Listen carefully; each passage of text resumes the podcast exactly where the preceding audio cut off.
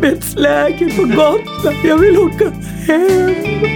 Nej, det var dag tre, då var vi knäckta liksom. Jag minns hur Gröning låg över keyboarden och bara skjut mig, skjut mig. Bastusnack. Hej ska ni vara och välkomna till avsnitt 68 av Bastusnack. Som ni hör är jag lite småkrasslig och eh, har en särskilt sensuell röst idag. Men det hade jag inte för några veckor sedan när jag träffade Britta Bergström. Vad vi snackade om i bastun kommer ni snart att få höra, men först så vill jag berätta för er att Bastusnack sponsras ju som vanligt av Tylö Helo Bastu. Det är det självklara valet när det gäller basturum, ångbadslösningar och wellnessprodukter i allmänhet. På tylö.se så kan du hitta allt du behöver för att bygga den ultimata bastun eller, om du hellre vill det, det lilla basturummet som ryms i din klädkammare. Variationerna är oändliga. Hos Tylö Helo hittar du ett rikt utbud av bastuprodukter. Surfa in på tylö.se och shoppa loss. Ja, och själv har jag ju ett Tylösens sportbastuaggregat som jag är grymt nöjd med. Det blir varmt på ett kick, så det är lätt att spontanbasta när andan faller på. Och det gör den ju. Surfa in på tylu.se och läs mer. Ja, när vi ändå är inne på ämnet bastu, av någon konstig anledning, så måste jag eh, pusha lite för en bok jag precis fick i lådan. Det är kocken och journalisten Jens Linder som tillsammans med fotografen Stefan Veitanen har skrivit en bok som heter Bastu, kort och gott. Den finns lite här och var på nätet. Eh, där kan man läsa om hur folk bastar runt om i världen och alla möjliga cocktailmetoder folk använder för att slå varandra eller inte. Det finns en, en kul genomgång av bastuns historia från, ända från stenåldern nästan fram till idag. Och dessutom så vore det ju inte en bok av Jens Linder om det inte fanns recept på bastumat också. Man kan ju faktiskt laga mat direkt på stenarna också. Jag är inte helt säker på hur det funkar i en elbastu, men definitivt i en vedeldad bastu. Jens Linder Bastu. Check it out! För övrigt så tycker jag att ni ska gå in på Bastusnacks Facebook-sida ibland och kolla lite eh, bonusbilder och sånt som jag lägger upp. Och glöm för all del inte att prenumerera på Bastusnack också. Det går att göra på alla, i alla möjliga podcast-appar som finns. Innan ni sätter er ner med en god bok så tycker jag att ni ska lyssna klart på det här avsnittet av Bastusnack med Britta Bergström. Eh, ja, vi inleder som vanligt med att se om hon har någon koll på hur vi känner varandra egentligen. Över till bastun.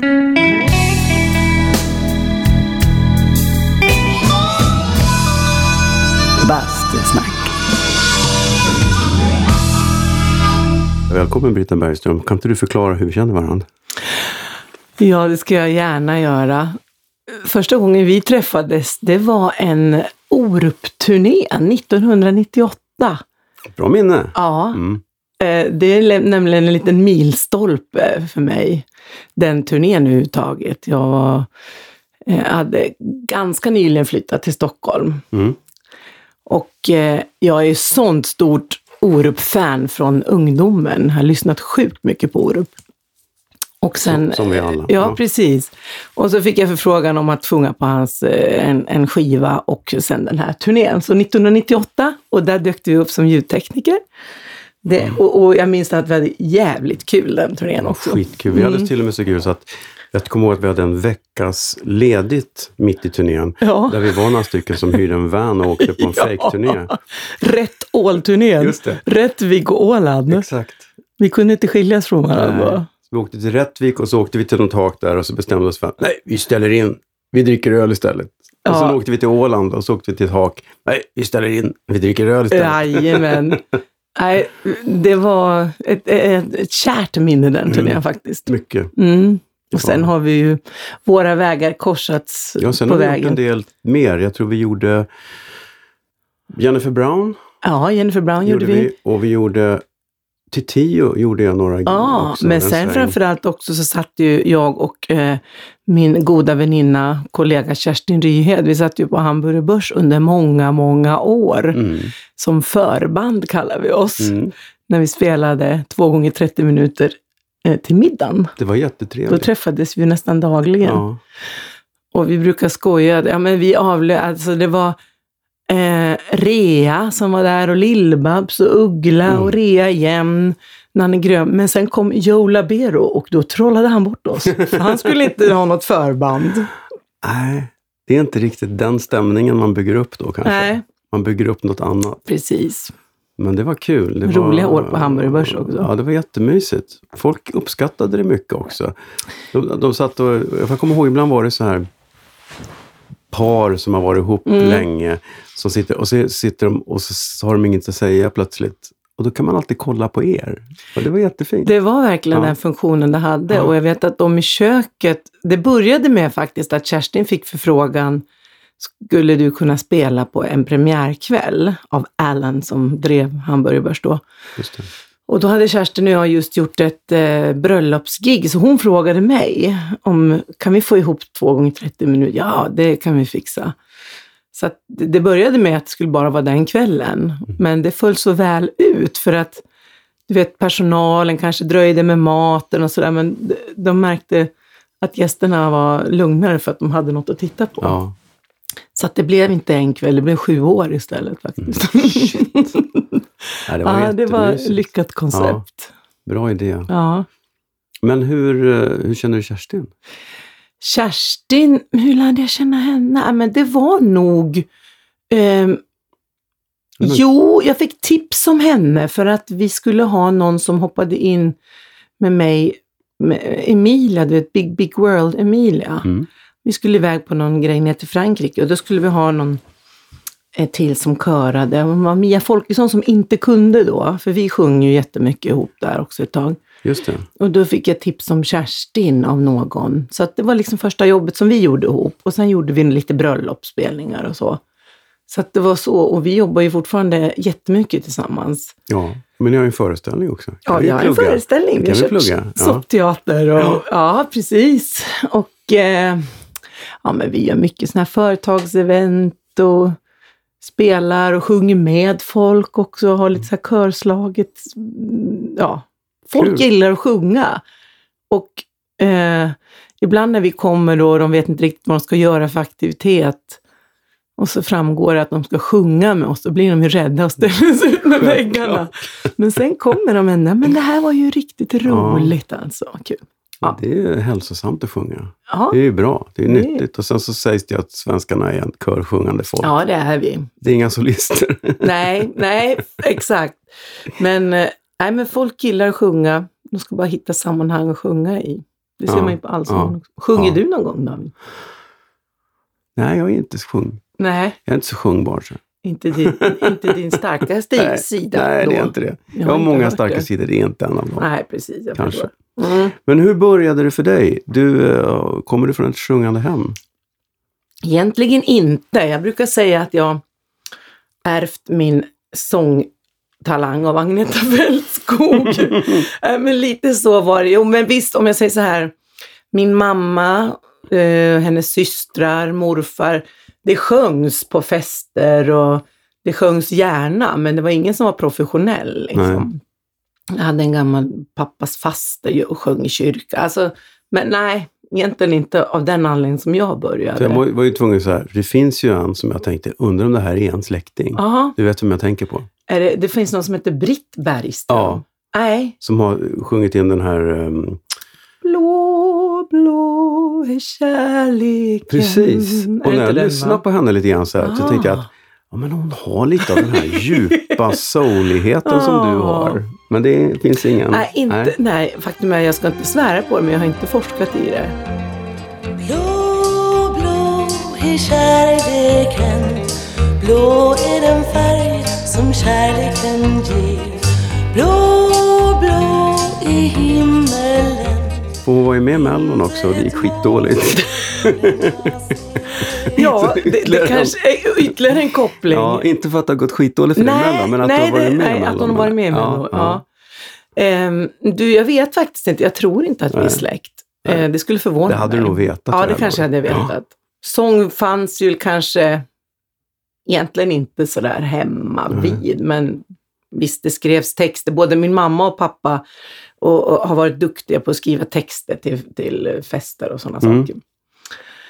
Eh, och det har väl lite gått i arv. Det är både syrran och jag. Mm. Ska det till någon bröllop eller någon fyller jämt eller vi skriver gärna eh, om låtar med nya texter. Men egentligen så var det nog Melodifestival, svensk Alltså jag gillade det. Det var mycket Svensktoppen hemma Mm, i min, på, mm. min, eh, eh, på mitt rum. Och mycket Melodifestival. Men så att eh, ABBA, Lotta Hedlund, Sven och Lotta, Mm. när de stod i Melodifestivalen och sjöng Bang En a boomerang. boomerang. Det var typ det bästa jag hade sett. Jag bara, jag knockades av, av henne. Mm. Jag minns det. Jag jag var typ fem, sex år någonting. Ni har ju verkligen inte lika röster däremot. Nej, inte riktigt. Nej, det, nej, det var inte... Nej, faktiskt. Nej. Nej, men jag fattar grejen, men, Men det är ju också ABBA. ABBA. Det är ju Björn och Benny som har skrivit den. Ja, det är Det är det. ju liksom en Absolut, är en ABBA-låt. och det- Så att det är ju Ja. en koppling till till Agneta. Ja. Eller man ska säga. Men Agneta och Frida, vilken duo. Mm. Det är fantastiskt. Och även deras sologrejer. Så att, eh, och sen så liksom blev det när jag gick i tonåren, då blev det ju mer så här Whitney Houston och den där bagen. Sångerskorna liksom. Mm. Men hade du någon plan på att det här ska bli min, min karriär? Eller hade du ett riktigt jobb i Nej, bakfickan ja också? precis. Det hade jag faktiskt. För att jag, det började att jag sjöng då, Vill man sjunga i Strömsbro, det är ett litet samhälle utanför Gävle och där fanns det en aktiv eh, körledare, Mm. Gudrun Eriksson, som jag har att tacka för mycket. Så att jag sjöng mycket i hennes körer, både barn och ungdomskörer. Parallellt med att det var mycket fotboll i mitt liv. Och bandy, sån här rinkbandy Mhm. på skridskor. Så att det var lite så här, halva laget i fotboll var också med i kören. Halva kören bestod, det var samma gäng. Samma liksom. gäng. Ja. Så att när det var högmässa på klockan 11 på då fick så här körledaren och eh, lagledaren, tränaren, ringa till varandra och bara okej, vad har ni för tid? för att det, det, annars blev det manfall i Ja. ändra kören eller i fotbollslaget. Så det var, ja, de hade nära Men det är kontakt. sånt där småorts... Verkligen. Det är, mysigt, det är verkligen. kul. Eh, och den här körledaren Gudrun, hon är 90 år idag och jag fick tillfälle att träffa henne bara för något år sedan och ge Mm. en stor fet blombukett och tacka för allt hon hade gjort för mig. Men hur som helst, att det började så. Mm. Och sen så när jag kom, eh, blev gymnasieelev, började skolan inne i Gävle, då kom jag i kontakt med rockbanden och Mm. då la jag ner kyrkokören. Det var Ja, det var och så en- blev det mer rock. rock, köra i massa olika Gävleband. Ja. Jag sjöng väl lead någonstans också, men det blev kören som var min eh, är- största roll. Jag tycker efter 35 år i branschen, eller vad man ska säga, att eh, det är lite två jobb. Lite två olika jobb. Ja. Stå längst fram eller att, att... För att man är med, med i bandet när man Ja. körar. Absolut. Och, och det är en annan eh, approach, Ja. känns det som. För att när Ja. folk som är solister försöker köra så blir det inte alltid så lyckat. Mm.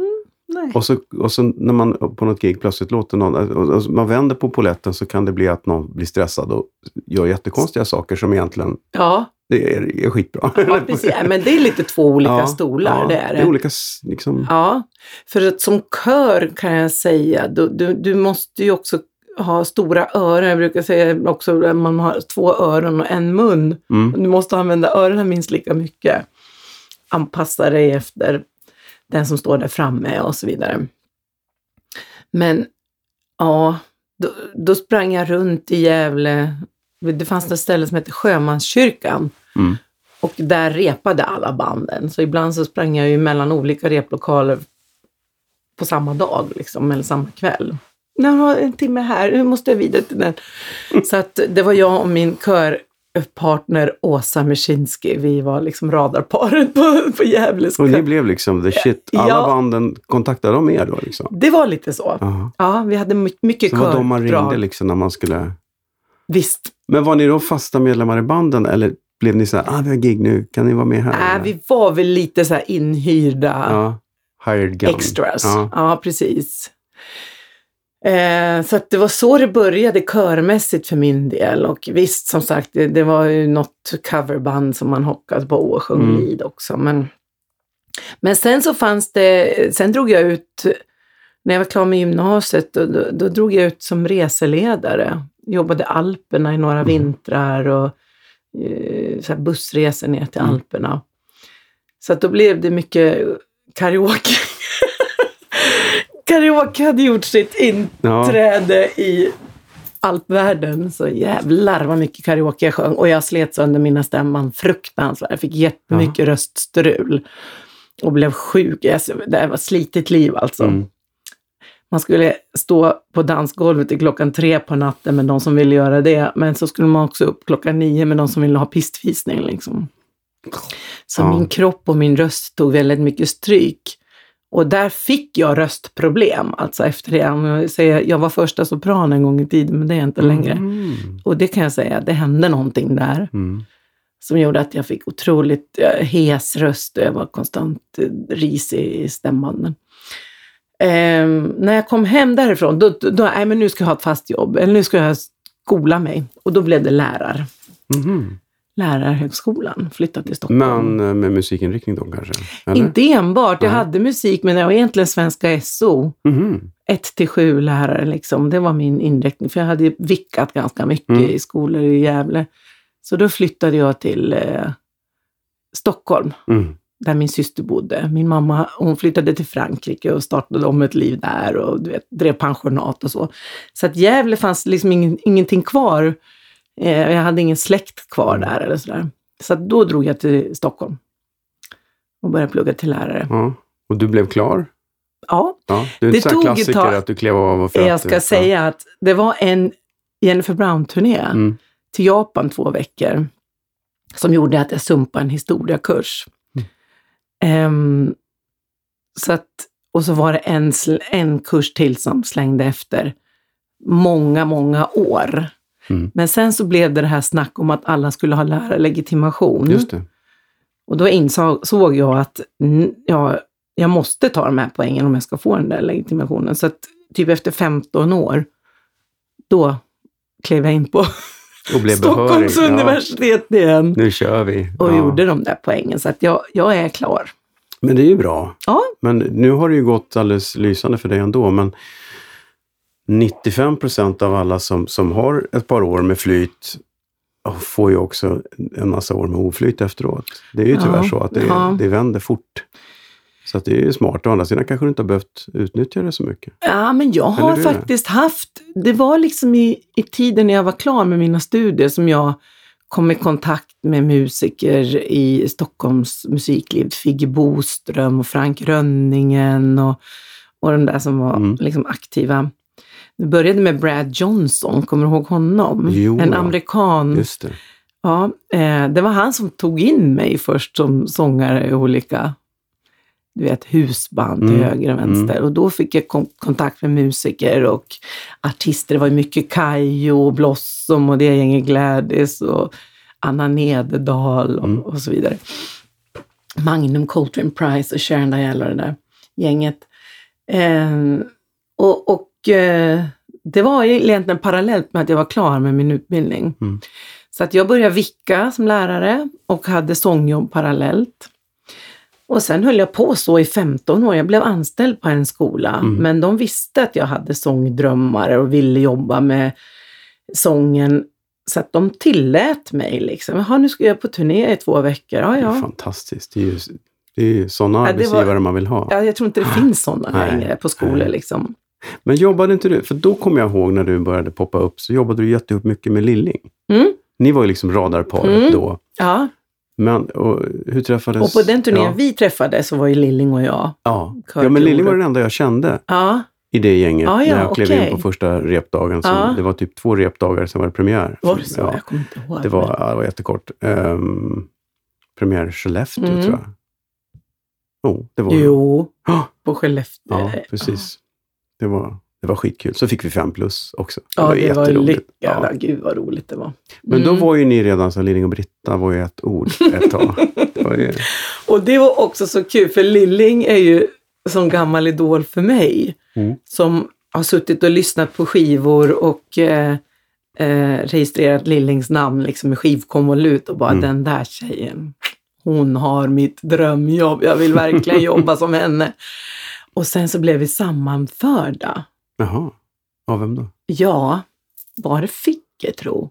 Jag tror det var Figge, för han hade jobbat med henne. Ja, jag minns inte exakt. Men så att när jag fick veta att jag skulle köra med Lilling Palmeklint, då satte jag kaffet i halsen. Alltså jag var oh Tungt. my god. Mm. Så att eh, det var ju jättekul och vi blev ju nära vänner och vi har än idag kontakt. Även om nu sjunger vi inte så mycket ihop. Nu är hon min ekonomimänniska. Ja, Hon eh, skolades ju i,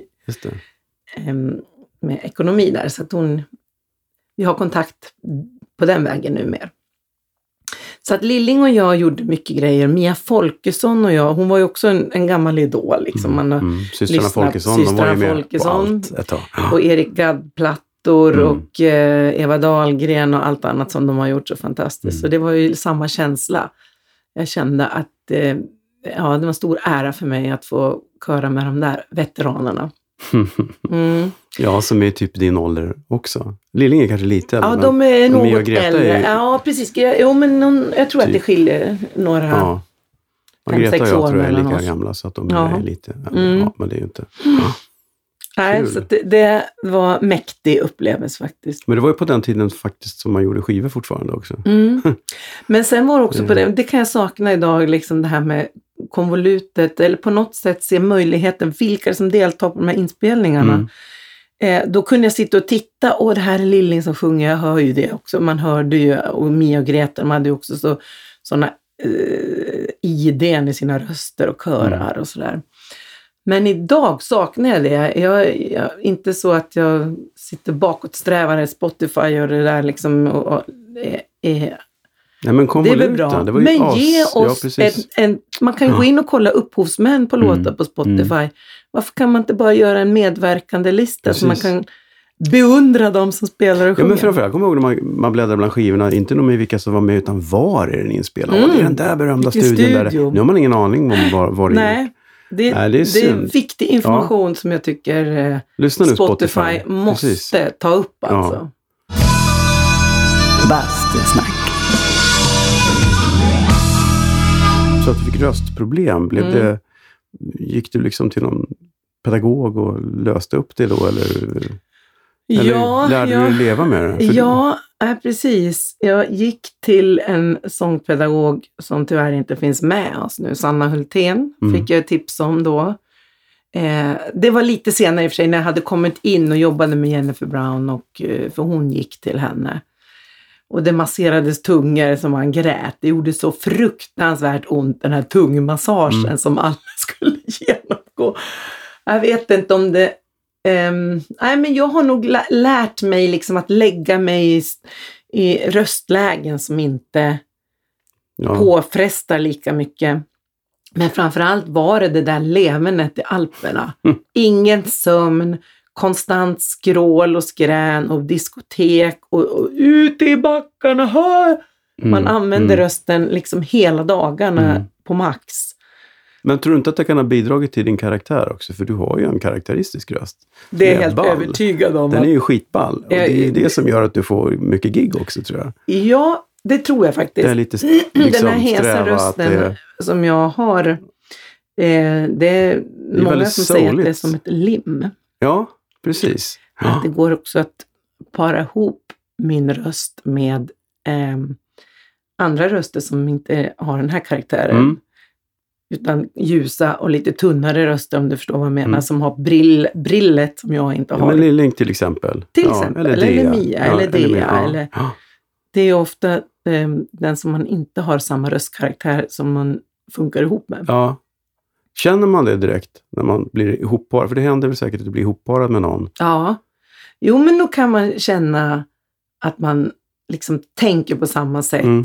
Man ser också så anteckningar i, i textpapper. Om jag, det har hänt någon gång att man står och tittar och så, gud den där anteckningen skulle jag själv kunna ha gjort. Alltså Man Mm. tänker på samma sätt ehm, små pilar. Och Jag små märker det när körerna sitter ihop. Så, Ja. så kan man inte riktigt ta det, men man brukar säga att ja, men det låter som de är inspelade. För att det sitter liksom så tight. Jo, precis. Och sen ibland så är det någon som har ringt in tre stycken för att de verkar fräcka.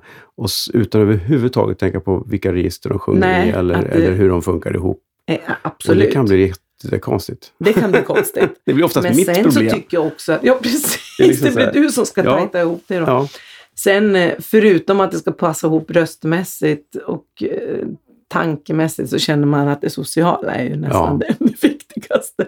Jag brukar, eller när jag, om jag själv skulle sätta ihop ett band till en turné. Det finns otroligt mycket skickliga musiker och sångare men jag skulle nästan först börja titta, vilka gillar jag umgås ja. med? ja, men det ligger För att- mycket i det. Sociala kompetensen är väldigt viktig. Men det är ju för att det är lite... Det kan ju vara lite kärvt på jobbet ibland. Ja, liksom. Men man vill ju bara ha trevligt och just när man sitter i turnébussen eller man reser och bor mycket ihop, då vill det ju till att man har lite trevligt på vägen. Mm. Liksom. Inte bara när man står på scenen, för Nej. det är en liten del av hela turnén. Du, gör- jag tänker så här, du gör ju så mycket. Du gör ju allt från eh, gospel till eh, eh, rock'n'roll. Kanske inte hårdrock. Har du åkt med Nej, hårdrockband? nej. Inte. Men, men vad, man ska ta ytterligheterna. Jag vet inte, gospel är en ytterlighet. Ja. Det är det kanske inte. ja, men Freeform jazz kanske? Nej. Ja, jag har inte varit mycket jazz i mitt liv heller. Jag har, sen jag har börjat vara uppe i Luleå en hel del och jag bor ju där delvis, så har jag kommit i kontakt med Norrbotten Big Band. Mm. Det har jag sett lite på nätet faktiskt. Mycket Ja, kompetent Ja, och tre, ja, bra gäng, liksom trevligt. Där har vi roligt. Så att, ehm, det, då har jag fått prova på den Ja. vägen. Jazz. Och det var ju lite så här ovant för, för mig, liksom, Ja. som kom från popvärlden. Och man, det är lite, ja, en ny... Men finns det någon sorts... Eh, tittar man lite snett på det då? då? Jaha, nu kommer någon popsångerska. Jag hoppas inte det, men kanske mer att det sitter i min känsla. Ja. Att jag känner mig, gud, vad har jag här att göra? Ja, Jag, jag, jag fick nog lite dåligt självförtroende där till en början. ja. Men nu har jag lärt mig att jag inte ska ha det, för vi har jättetrevligt ihop med dem och vi gör saker som eh, passar mig. ja. Det är inte så att jag ska försöka anpassa mig enbart till dem, även om de har liksom väldigt så här tydliga önskemål och inte regler, men de har liksom en, en eh, kan man säga? Men det är ju ett storband. Det finns ju vissa ramar. Absolut, det har de. Och en konstnärlig eh, ambition Ja. att, så, som de håller ganska hårt på. Mm. Som jag ibland får försöka så här, åh, anpassa mig och bara, det här känns konstigt i mina öron. Men okej, det, det, ja, jag får försöka lära mig det här helt Ja, ja. enkelt. En Eller, annan vinkel på... ja, jag, jag såg någon eh, video med er, där och då spelade han keyboard, Stefan... ehm, Gunnarsson, ja. han brukar också gästa med ja, så han gästar han inte fast i... Nej, det är han inte. Men han är Luleå-kille. Ja, Boden Väl. är han ju Ja, ifrån. Boden. Ja. Så att vi har också gjort samarbeten. Så att när jag började vara uppe, jag träffade ju en man uppe i Luleå. Så att jag har ju mitt liv både på söder i Stockholm men också i Luleå. Då kände jag att jag måste också hitta arbetstillfällen när jag är där. Mm. Såklart. För Ja. varför koppla av? Eller hur? Nej, precis. Nej, men det kunde vara att man var där en vecka. Jag har ju inte möjlighet att bara gå runt och vara ledig hela nej, tiden. Så att då tänkte jag, när jag är där och, och med Janne så kunde jag lika gärna försöka hitta roliga samarbeten där. Så Mm. Stefan Gunnarsson och jag har gjort en del grejer ihop. Och andra människor där uppe också. Men Norrbotten Big Band är jag jätteglad över Mm. att ha träffat. Kul. Jag gör någon årlig julkonsert tillsammans med dem där jag bjuder upp eh, gäster, sångare. Både kända men inte alltid kända. Men Mm. sådana som jag tycker om och vet är bra. Och, så att, eh, Vad vi tror vi gör- Du får lite välja. Ja, det blir lite Ja. Britta and Friends på något vis. Ja. Och, och Norrbotten Big Band såklart. eh, Som, eh, Vilka blir det i år då?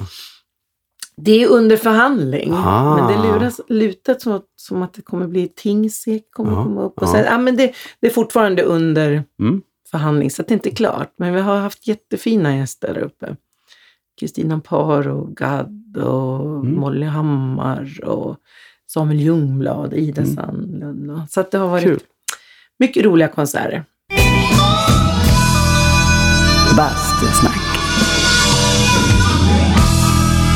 Vad är det som ligger dig varmast om hjärtat i musikaliskt då? Är det Mm. liksom den här körgrejen som du hade från början eller är det Orup-svängen? Eller? Åh, jag tycker det är svårt att välja och det är väl kanske det som jag tycker är tjusningen med mitt jobb också. Mm. Att jag slipper välja.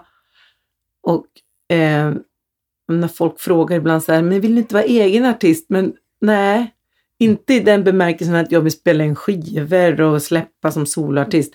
Jag kan gärna vara artist och gästa med band eller orkestrar eller körer. Jag gör mycket sådana grejer som gästsolist liksom. Så det är inte där skon klämmer, att jag inte vill Nej, men ska man vara solo. krass, ska man vara krass Men så är att- ditt varumärke starkare än en artist i och med det att du, en artist måste ju hela tiden vara aktuell. Ja, det är och, lite... släppa något nytt, släppa något nytt. Ditt varumärke är liksom, ja men jag kan ju åka med den då, då. Eller åka med den och lyfta den till någonting. Lite så jag känner också. Mm. Och inte bara varumärke utan också att slippa nischa sig. Ja. Jag tycker det är den största charmen med det här jobbet. Att ja, men jag kan sjunga eh, gospel med en gospelkör ena dagen och så går jag in i studion och sjunger med ja, men, vet jag, Orup nästa dag. Eller, det, det är väldigt varierande. Eller något Mm. rockband. Eller, nu fick jag en, eh, en låt som jag ska sjunga en demo in, inspelning på. Det drar ju lite åt dansbandshållet nästan sådär. Mm. Och jag har egentligen inte, jag, jag tyck, tycker det känns kul så hoppar jag på. Ja. Och eh, Du har ju några fasta, typ Så mycket bättre ja, och Skansen. Allsången kör jag nu. Jag har just gjort Ja. fjärde sommaren där uppe. Ja. Ja. det är några så här stående som Det det, är ju har trygga, varit. bra jobb, för det är ju en eh, period också. Det är ju Det är som att skitbra. åka på en turné. Det har varit man- jätteroligt. Och eh, plus att eh, som allsången man kan vara kvar i Stockholm och Ja. jobba, slippa. Jag har inget emot att resa, jag tycker det är kul att vara på turné också, men det är ändå ganska bekvämt att gå Men till som- jobbet till Skansen. Liksom. Jo, men som livearbetare så är det jävligt cool att man jobbar en hel sommar men man är ledig varje fredag, lördag kväll. Ja, Det är precis. helt sjukt. ju- Det ja. är ju något unikt med det sommarjobbet. Ja. Liksom. Du, turnerar du så här. Turnerar man så är det, ju- då är ju varenda helg körd. ja, Men det är, det, är, det är kul att den är på tisdagar. Så Ja. det ni repar, vad är det, repar ni måndag? Repar måndag. söndag? Ja. Man repar måndag, hela måndagen, då Ja. kommer artisterna dit och man repar igenom allting. Och sen så repar vi hela tisdag på scenen också. Mm.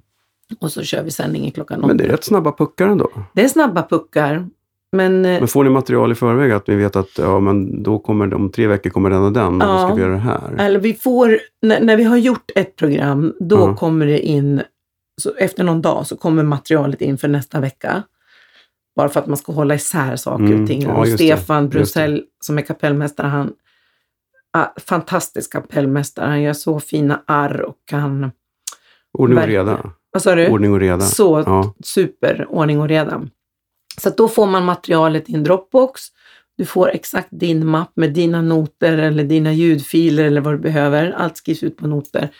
Så att då kan jag, jag är inte sån som läser en not avista. Nej. Jag kan inte ta den och bara, utan jag behöver instudera eh, innan och lyssna och jämföra liksom och sådär. Så att jag jobbar lite grann hemma med det och sen klockan 9.00 då räknas det in. Och är det så att det härvar någonstans, liksom, då, då kan vi säga att ja, men vi tar ett lite separat körrep på den där. Men oftast har alla Mm. exakt vad de ska göra. Så att det går jävligt Coolt, fort. coolt. ja, ja, Det ställer det- höga krav. det gör det.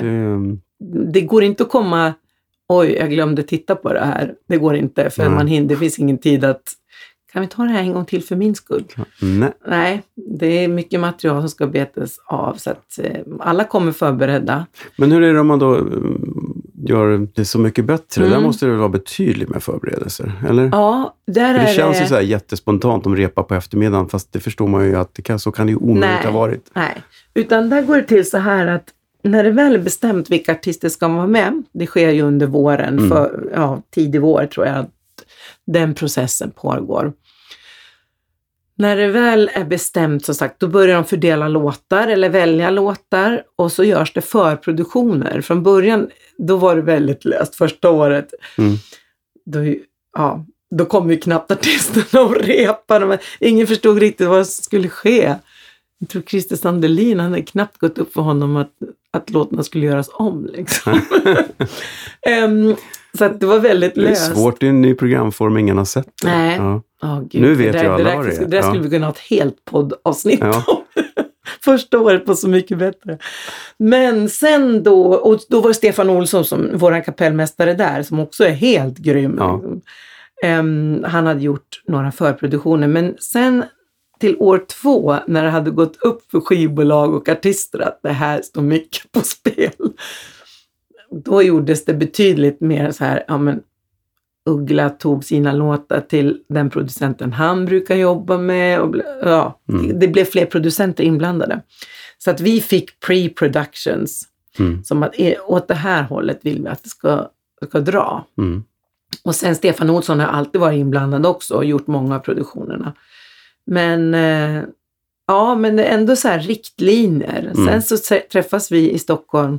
Så alla artister har två dagar med oss i replokal i Stockholm. Men det är också snabba ryck. Det är inte jättemycket Nej. tid. Och då snickras allt ihop. Liksom. Man adderar körer kanske. Eller det är mycket så här hemligt så att artisterna ska inte få veta vad de andra gör. Då, Absolut. Ja. Då får man vara så här noggrann med Ja. att det inte ligger uppe några anteckningar från Nej. dagen innan utan allt måste sopas undan. Försöker, de, är de mycket, försöker de lura ut vad, vad de andra Nej, egentligen inte. Ja, men någon kan sitta och undra, undra vilken låt den Ja, men visst finns det nyfikenhet, det Ja. finns det. Men det är egentligen, ja. Nej, inget, vi är ju tio som musslor. Ja. Nej, men det blir inget roligt då om de ska få. Men de är väl å andra sidan så fokade på sin pryl. Alla måste ju vara skitnervösa. Ja, det går fort. Verkligen. Jag minns att Orup sa så här när vi var på Gotland och han skulle sjunga någon låt. Det här är ju inte klokt, jag kan ju inte låten själv ens och i höst ska två miljoner människor sitta och titta på det här. Ja. Så att det är ju just det här, mycket text. Vissa har Ja. kommit till Gotland och, och det finns, låten inte klar. Liksom. Åh, stressigt. Så det, det är No ibland... pressure. För nu, för nu har det vänt från... Jag tyckte att det var första två åren var ju så lättsamt och kul. Mhm.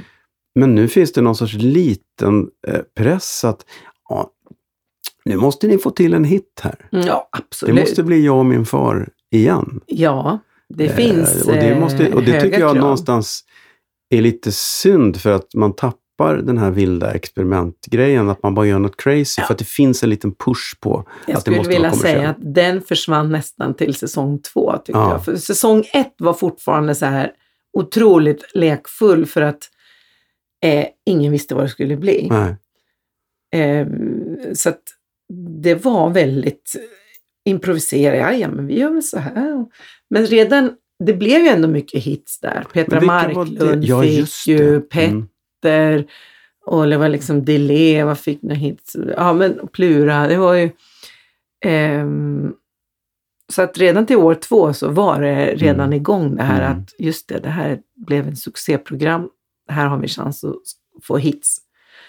Men För det är så kul tycker... när någon bara kör. Då och då så är det trots allt någon som tar en låt och bara kör. Ja, Och det är alltid lika Ja. kul. precis. Jag vet, Christer Sjögren gjorde någonting. Bara, Ja. Nu kör jag loss. Och Ja, det var ju helt körde- underbart. Va? Det var väldigt bjussigt. Absolut. Han körde gaddlåten. Ja. Baby, baby, Ja, det var skitkul. Absolut. Och oväntat. Ja. Ja, helt klart. Mer sånt. Ja, Eh, det. Ja. Man får nästan göra om formen. Precis. Man får nästan göra det till att man får reda på vilken låt det är. Här, ta den här låten. Mm. Oj, gör något. Okej. Undrar om det skulle bli så bra tv på det. Ja, det kanske, skulle, kanske det skulle bli. Men man, liksom, man, man slår ihop Så mycket bättre med Babbens Bäst i test. Ja, exakt. Liksom- Lös situationen. Du har de här Lös ackorden. uppgiften. Ja, Ja, du har den här Du texten. har den här sättningen. Vad gör vi av det här? Fan, saxofon och... Mm. Det är ju Undrar om skitkul. jag skulle vara med på det. Jag vet inte. Det kan bli väldigt roligt.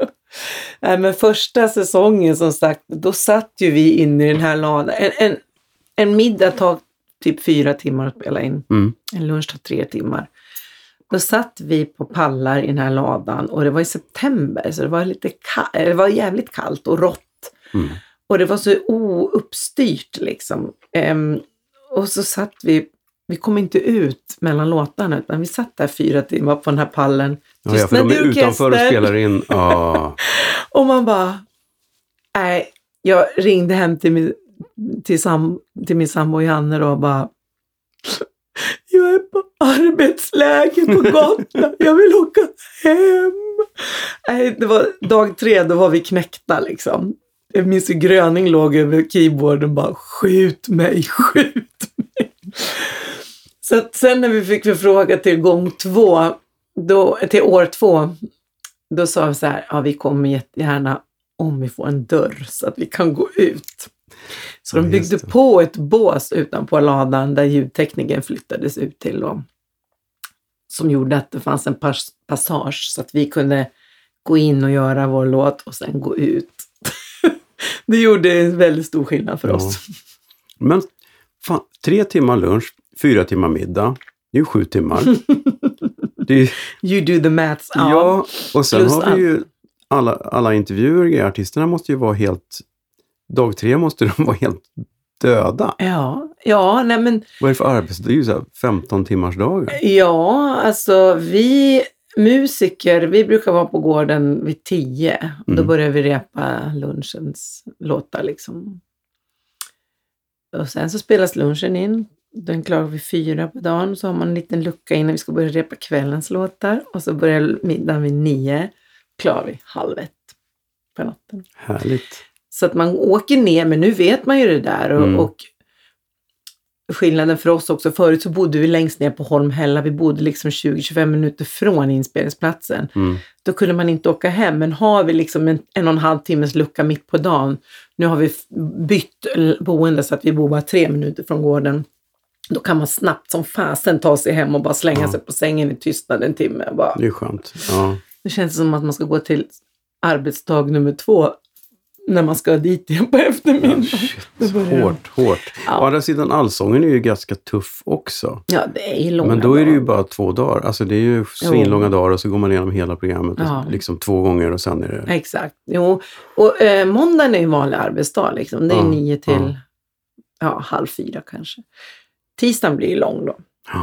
Tisdagen är ju väldigt trevlig. Det är många som hänger på Skansen på tisdagen för vi repar ju på scenen då. Så Mm. då kan man ju en solig dag om man eh, inte har något särskilt för sig kan man sitta och njuta på allsången. Mm. och, och liksom vara med på repetitionerna. Och sen blir det genrep och det är också trevligt att gå på. Det är som fullt ut. Mm. Genrepet är ju exakt som en kvällssändning. liksom.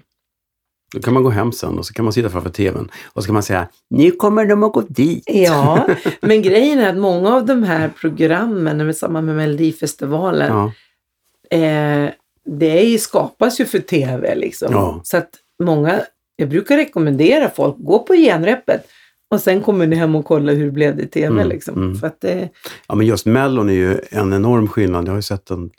det är inte Jag var så på kul Friends att se live. live. Och, nej, för att man, man, man förstår inte riktigt vad som händer. Nej. Och sen går man hem på tvn. Aha. Exakt. Framförallt Mellon är Ja. ju väldigt mycket produ- producerat för tv. Ja. Det, Och, och Idol och de här stora arenasändningarna liksom. men du är dem också, eller? Har du gjort Idol? Mm. Ja. Jag har gjort några Idolår. Ja, okej. Ja. Och Mello.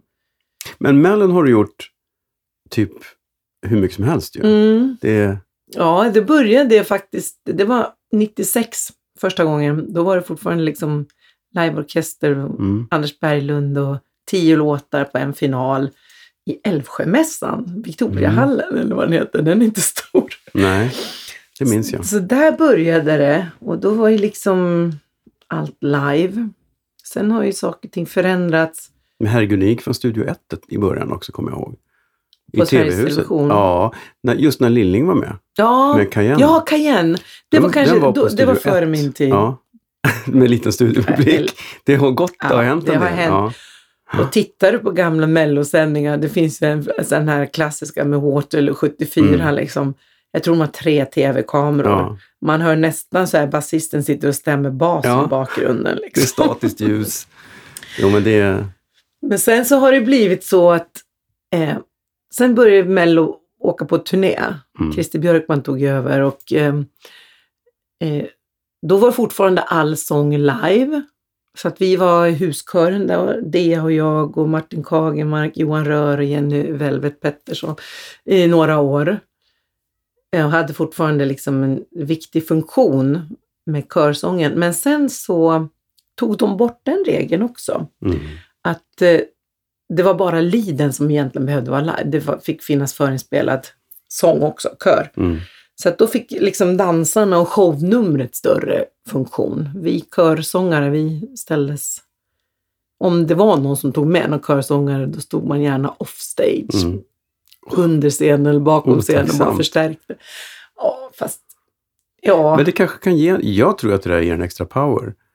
Att, att man, man, adrenalinet kan göra att det blir en liten höjning ändå. om man står på scenen med Nej, men att man det är Att det är live. live. Mm. Absolut. Att, man, att man, man triggar varandra och att, att artisten vet att kören är med i Jo. ryggen på riktigt.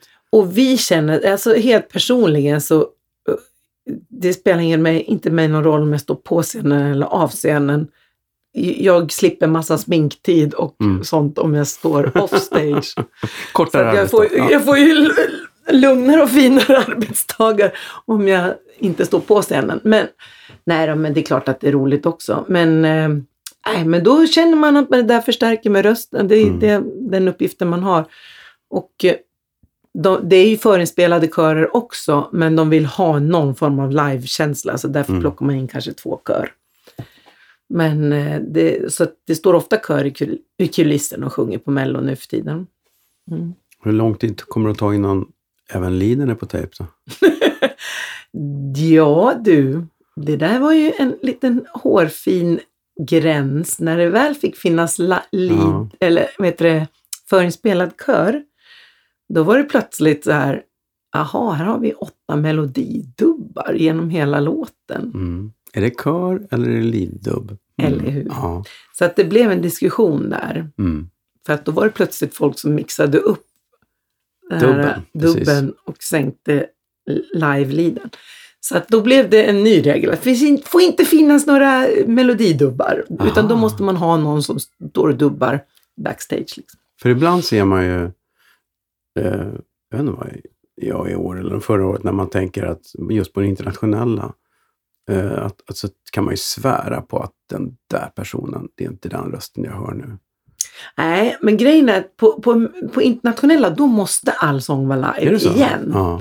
Men Men man Det kan ju mixa upp en folk- körsångare som det står ju dubbar. folk och Mm. sjunger. Mm. Absolut, Mm. det gör det. Du kan ha det finns ju en viss, jag har en viss förståelse för ibland när man jobbar i livesammanhang att det kan förekomma saker, eh, inspelad lead. Jag, man såg, jag bara såg Madonna, hon hänger upp och ner och hoppar hit och dit. Jag en fattar. låt eller två, för att det går inte. Nej, För att det, det är ju fortfarande hon som sjunger. precis. Och bara det inte är ett helt gig Nej, som precis. är så. Men ehm, för det ska funka och det ställs jättemycket krav på saker ska funka live. Och det är Ja. ju samma i Mellon.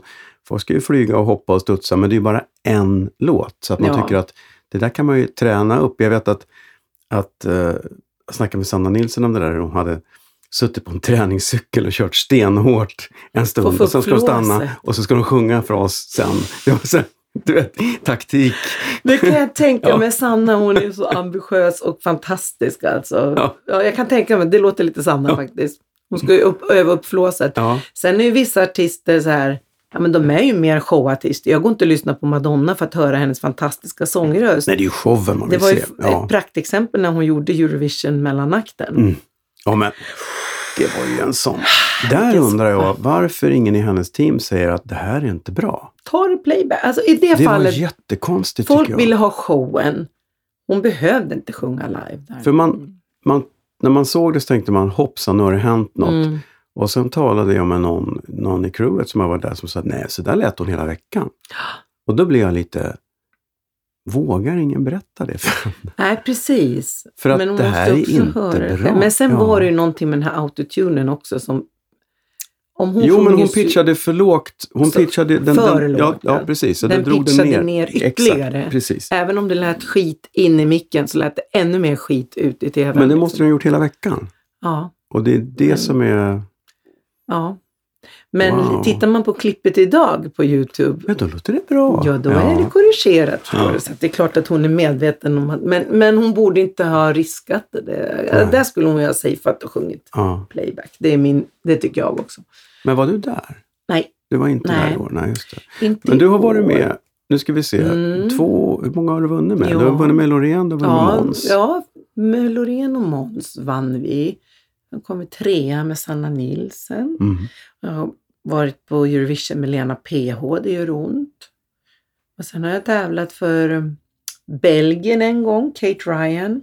Mm. Och eh, Ryssland.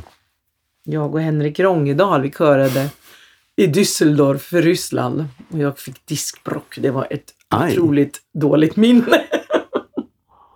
Du ser, så går det när man är förrädare. Nej, jag blev så dålig. Alltså jag, jag var in på sjukhus två gånger och fick morfin för jag var så... Jag kunde knappt gå. Jag kunde Nej. inte lämna rummet liksom. Det Men var det, på men det var bara upp och köra ändå. nöd och näppe. Man har Ja. ganska, när man är på Eurovision, där man är typ två veckor, Mm. så repeterar du en dag. Sen är du ledig några dagar för att de repar alla andra länder. Ja, just Sen det. kommer en repetition igen och så är du ledig några dagar. Så att du har ganska många dagar lediga. Och på de lediga dagarna då låg jag bara bet i kudden liksom och bara... Ett, personalen fick komma upp med frukost. Oh. Jag grät och ville hem Vad då också. Det är Oj, så mycket för den glamouren liksom. Åh. Nej, men då var, lyck- då var turen, det året då, då stod Henrik och jag bakom varsin LED-vägg på Mm. hjul. De hade riggat mikrofonstativet bakom den här LED-väggen så vi skulle rulla den och sjunga samtidigt. Vi var både scenarbetare och körsångare. Och det var min räddning faktiskt, för jag kunde kliva upp i jeans och gympadojor Ja. bakom den här jävla skärmen. Och, och, och sen så fort jag hade sjungit, då hade jag en bil som tog mig tillbaka till hotellet. Liksom. Shit, vad tråkigt. Ja. Ja, men där har du för att du tränar för att tävla för andra. Tror du Zlatan skulle liksom ställa upp för Ryssland i fotbolls-VM? Nej, men alltså vad är det? Eurovision egentligen? Det är ju inte direkt eh, länder som representerar, alltså det är ju låtskrivare och artister Ja, som fel. korsar, körsångare. Det är ju en enda mischmasch av europeer som åker runt och sjunger för varandras länder och skriver låtar för varandras länder också. Det är inte riktigt någon nationell Ja. Nej, tävling. vem vann? Oklart. Oklart. Ja, precis. Då kan man räkna upp fem länder nästan. För det är många som är delaktiga på olika håll. Bastusnack. Du har, gjort, du har gjort så himla mycket och ibland så ångrar du dig och vill åka hem och så. Men, men jag, Oftast vet, inte. jag blev ju så här helt knäckt när jag hörde att du faktiskt hade tackat nej till din tyngsta förfrågan. Du är den som jag känner, jag känner ganska många som har fått tunga förfrågningar. Jag tror att du har fått en av de tyngsta förfrågningarna man kan få och säger nej. Jag tror jag vet var du vill komma. Ja, ja. Ja, det är en sanning med modifikation får jag ju säga då. då. Alltså, Jo, men som jag sa, jag tror jag berättade det för dig att du tänker, syftar på Rolling Stones. ja. Ja, det var en speciell grej. Jag får ett samtal från eh, Martin Jonsson, trummis Blackness. Som säger så här, jag har tipsat om dig för ett körjobb. Jaha, vad roligt, vad är det? Ja, det är Rolling Stones. ja. Ja, exakt. Jag skrattade och jag var du måste ju skämta. Vadå? Nej, men deras sångerska Lisa Fischer som har sjungit med dem i typ ja, massa år. 40 år. Ja. Nej, men hon eh, kliver av. Och då kände Martin någon, Lady Bray där, en, en amerikansk musiker som bor i Stockholm. De känner eh, körsångaren i Rolling Stones. Ja, du tänker på mm, Bernard Fowler? Ja, så hette han. Han är körsångare med, med Stones. Mm. Eh, och eh, då hade de tipsat om att... Jag skrattar för det är så absurd tanke. Hur som helst, hon har tipsat om att ja, men det finns en svensk tjej som heter Britta Bergström. Ja, jag och Dea, vi är på julgale rep uppe i Åre.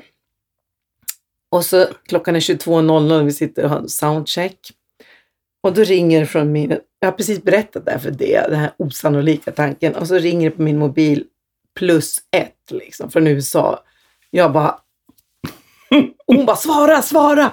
Aldrig, aldrig! Jo, svara! Och jag bara, Britta? Ja, då var det Bernard Fowler som ringer.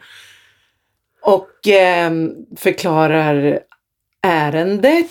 Och jag, alltså jag, jag visste inte vad jag skulle tro. Jag sa, jag sitter på en soundcheck här det var trummor just nu. Men, men kan jag ringa dig eller mejla dig?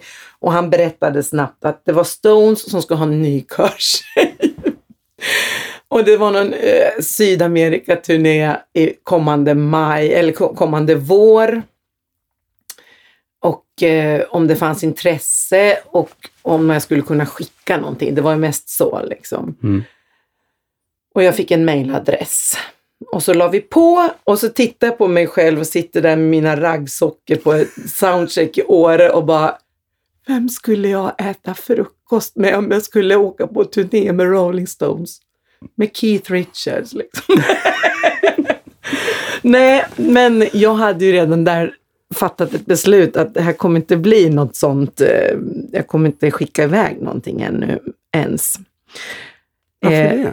Nej, men jag, jag tänkte precis så. Jag är inte tjejen de söker. Jag, jag visste ju mycket väl vem Du är inte Lisa Fischer. Lisa Fischer och vad hon har för funktion i Stones. Mm. Och står där. Alltså jag är ju så långt ifrån det där så att det är ju, det är ju ett skämt. Så att jag gick upp på mitt rum och så skrev jag ett mejl till honom. Jag bara, eh, jag är så eh, liksom förärad över att du ens ringde i det här, men jag är inte tjejen ni söker. Så skrev jag. Jag vet att jag inte är det, men om du söker här i Sverige så kan jag tipsa om till exempel Linda Pritchard eller LaGaylia Frazier eller jag tror jag nämnde dem och skicka klipp på vad de Jag skickar klipp på vad de gör istället. Och bara, här har ni nog tjejerna som skulle kunna göra något sånt som Lisa Fischer har gjort i Aha. Stones. Så att jag lämnade walk-over helt enkelt. Men du har inte ångrat dig en sekund? Inte en sekund Nej. faktiskt. Jag kan inte se mig själv på en sån. Äta frukost Turné. med Keith Richards? Nej. Nej, Jag tror han ens äter frukost, det tror inte jag. Nej det är bara det. Jag bara, vem, vem ska jag äta frukost med? Det har blivit dags för... Skämskudden. Herregud vad pinsamt. Skämskudden. Nej, inte den där gamla demon. Vill du på något sätt presentera vad vi nu ska höra? Ja, jag fick ju en liten läxa av dig då. Mm. Att jag skulle söka upp någonting som eh, jag med facit i hand kanske tänker, det där blev ju inte så bra. Och jag måste säga att jag har inte så många sådana upplevelser i mitt så att säga, yrkesliv sedan jag kom till Stockholm och så här, för att jag tycker att jag har fått göra otroligt roliga grejer som jag är stolt över. Men i min ungdom då, när jag bodde i Gävle och som jag berättade tidigare var lite så här Gävles körradarpar ihop med min kompis Åsa. Vi fick väldigt fria händer. Folk litade på oss. Då- det borde de inte Det ha borde gjort. de kanske inte ha gjort. Och vi fick vi kanske lite hybris och tyckte Ja. att vi kunde göra lite vad vi ville också. Men det här är ett Gävleband som heter Twang och det var ganska tungt. Eh, ja, men det var rock, visst drog visst pop också, men ganska mycket tunga gitarrer. Och, och då anlitade de oss som körtjejer och vi tänkte, vi experimenterade friskt. Så att vi la in lite operakörer och lite vi älskade Chaka Khan, så vi, vi, vi sa också till och med i en intervju bara vi snor körer från Chaka Khan. Hon är idealet. Sen att inte det stämde riktigt överens med det här bandet stilmässigt, det sket vi i. Vi tyckte bara de här körerna är skitsnygga, de slänger vi in här. Ja, vi kör här ska Och vi eh, höra. det här är en liveinspelning från Rådhustorget i Gävle. Jag skulle gissa på slut, början på 90 kanske, eller runt 90. Ja, det ska vi Det se. är många år sedan. Lätt för Men nu, Gävle. mina damer och herrar, har det alltså redan börjat och det är Twang Industry som är igång här. De ska framföra en föreställning med både musik och teater. Åsa Mesinski sång och Britta Bergström sång.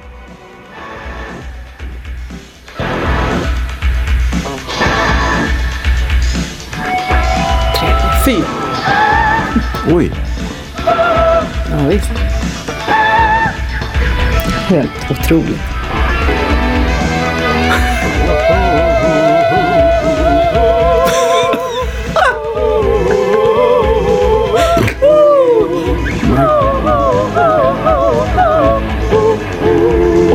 Bakgrunden bara...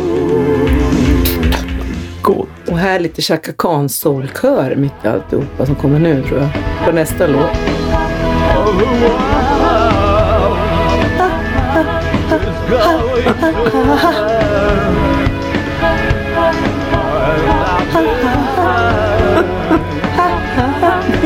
Det är någon sorts, det är en sorts mashup. Fruktansvärt. Oerhört pretentiöst. och Ja. starkt mixad. Ja, verkligen. Så Jättepretentiöst. att, eh, Men vad fin, men jag tänkte nästan på Anneli Rudé där i början. den här operagrejen. Ja, precis. Ja, och lite så här, Marit. Grönvall har Ja, väl också så ja, här, just det. Precis. sjungit lite så här operaaktiga, Ja. men de kan ju det. Vi kunde ju inte det. Och det lät ju inte kul.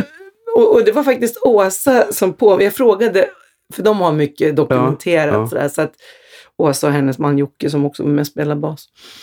Jag bara, vad skulle jag plocka fram? Och hon bara, ah, men kommer du ihåg, vi de här gjorde de här jävla operakörerna. Det är väl Men tyckte folk, tyckte de det var bra själva? Liksom? Ah, bra grej, det här, kul, häftigt. Eller Ingen aning, nej, men de eh, köpte det. de köpte det. Det var ju någon livekonsert på Det var ingen som sa torget, att, liksom. uh, hörni tjejer, Tjejer kan ni ner. hitta på något nej, annat? nej, utan vi fick ju fortsätta i alla fall. Vi fick ju fortsatt uppdrag. Jaha, Nej. Härligt. Att, ehm, Ja. ja. det var Vilken ett, tur att ett det litet finns kvar. Ja. gammalt minne från eh, forna tider. Jag fick ett litet eh, tidningsklipp där också. Det tänker jag lägga på eh, Bastusnacks Facebook-sida. Ja, precis. Det var ju, de gjorde ju lite tidningsartiklar om oss som körpar då. Och, och eh, där vi ja, samtalar lite grann kring våra, våra roll som körtjejer. Jag tycker det är jättefint. Mm. tycker det är, man måste ju prova sig fram. Vi tyckte också Ja. det. Jag menar, eh, ja, jag jobbar ju ändå med, med körsång så här Ja. 25 år senare, eller 30 år senare. Så att någonstans, visst, det är ju en skola. Man Ja. lär sig. Men hur är det nu när, om du får ett uh, körgig med mm, någonting som inte är skrivet. Mm. Hur mycket input har du själv, eller ni om ni är två kanske, på, på produktionen? Jo, men alltså, Kan ni få den här, ja men gör något häftigt. ja absolut, eh, det kan vi få. Eh, Om man gör en gala med artister och vi ska sjunga, då finns det ju oftast ett, en för, finns ju oftast ett original att lyssna på. Mm. som vi försöker planka. Även om det ibland är svårt för att vi är två, men man kanske kan addera med någon mer musiker som sjunger. I Allsångsbandet är vi ju sju som sjunger. Där går det att göra allt. Det är ju superkul. Där arrar ju Stefan. Men det plankas ju också. Är det en artist som kommer och presenterar en ny låt, då, då, här- då hittar inte vi på egna Nej. grejer. Men jag har ju också en studio där jag gör eh, körpålägg på skivinspelningar och så. Skickar filer. Och då kan jag ofta få så här, ja men här har du bakgrunderna. Mm. Eh, gör vad du vill. Och då kan jag ju nörda in ordentligt. Jag Mm. gjorde nu senast eh, fem låtar till en ny Mikael Wiehe-skiva. Och eh, då fick jag så här, ja men gör vad du vill. Och då, då lägger jag på mycket. Mm. För att vi står i olika, jag står själv i min studio och sjunger och så, och så skriver jag alltid, här har ni mycket, rensa och ta vad ni vill. Ja, liksom. Lite olika, so- olika fraser. olika Ja, sorter. precis. Och Ja. lite, ja verkligen, olika stämföring, eller olika grejer på olika refränger också. Ni kanske bara vill ha unisont, eller ja, de får Mm, rensa själva mm, det, mm. det paketet jag skickar. Så att, men eh, ofta tycker de, ja men det här var toppen, vi, ja. Kul. Så att jag har väldigt mycket fria händer sådana Mm, gånger. Mm. Å andra sidan har Ibland- du ju gjort så himla mycket så att du, det är klart att du örar det själv. Det är lite som blåsare som örar sina egna stämmor för att det exakt. blir liksom spelbart. De litar ju på att, Ja. eller de, man har ju ett yrkeskunnande också. Så att, sen är det ju fråga om smak, att de kanske, nej vi vill inte ha stämmor här, vi behåller det unisont bara Mm. med två oktaver. Vi vill Det är en tyvärr, tyvärr smaksak. vill vi nog inte ha operakörer på Mikael Wiehe. eh, nej, jag har faktiskt sjungit operakörer på inspelningar efter det också. Eh, Fast då har det varit efterfrågat kanske. efterfrågat och så kan man göra ett helt paket. Det här Ja, var ju två ja. soloröster, det låter ju för jäkligt. Men, men det är roligt tycker jag med att eh, lägga körer i studio, att man kan skapa mycket med olika typer av röster. Mm. Jag brukar ofta skicka iväg ett stämpaket och så säga så här, snälla sololyssna inte. Lägg Nej. ihop det här i ett paket, för jag vet att det här kommer bli bra i ett paket, men var och en för sig så låter de här tagningarna inte bra. Det vet jag. För att då kan jag sjunga liksom med äh, såna här röster Ja, eller ja. Alltså olika för att återskapa en kör. Mm. En gospelkör eller en vanlig kör där det finns otroligt mycket olika stämmor olika typer av röster. Och annars kan jag ju stå och sjunga exakt likadant med min egen röst i åtta tagningar eller fem ta fyra tagningar. Men då blir det ganska ospännande. Ja, men så kan liksom. man ha, jag vet man har gjort det, man, någon stämma med bara konsonanter också. Ja, precis. För att man inte, så man Eller- slipper det paketet för det är så svårt att få fram det. liksom. Exakt. Ja. Eller luft. Eller luft, ja. att man precis. viskar sig Ja. igenom orden för att få ah, den Ja, där ja. känslan. Så att, eh, Och så du lyssnar på den och tänker, hur tänkte hon? nu? ja Vad är det precis. här? Ja, nej, men jag skickar ju iväg filen, som jag, jag, jag lyssnar ju knappt igenom dem en och en för sig. Och, utan jag lyssnar på paketet och bara, det här, det här låter jättebra ihop. Mm. I början av 90-talet eller mitten av 90-talet när vi körade på Robins första grejer, då skulle det vara så här åtta dubbar som lät exakt likadant per stämma. Mm. Det kunde vara sådana körpaket som man bara Mm. och så var det så här, så har man sjungit den här refrängen, loopat och sjungit den liksom 15 gånger. Ja, nu, har vi, nu kan vi klippa ihop till en dubb som ni kan dubba på. Tack. Det skulle vara så exakt! Ja. Och det var så utmattande va. Men nu är det ju mer lyckligtvis pendeln har svängt. Att Men det gör attityden har svängt, det är inte sådär Nej. pedantiskt. För det var ju då ett tag när det inte fick vara några Nej. skavanker. Nej, jag kan säga att i studion där jag sjunger så ligger ibland min hund. Så att jag han finns med på Han med många också. svenska skivor. Han finns med på så här Azerbajdzjans Eurovision-bidrag. han finns med på någon så här Så mycket bättre-platta också. Han ligger Men han får aldrig cred. Ingen Han- cred någon cred. Men då händer det så här att han har legat där ett tag och tycker nu Matte ska vi gå ut och gå. Då, Kan man höra det? Mm, inte om man inte vet. Nej, Ja. man hör inte Nej, i vad synd. produktion. Men om jag solo, jag hörde när jag sololyssnade paketet, då hörde jag bara...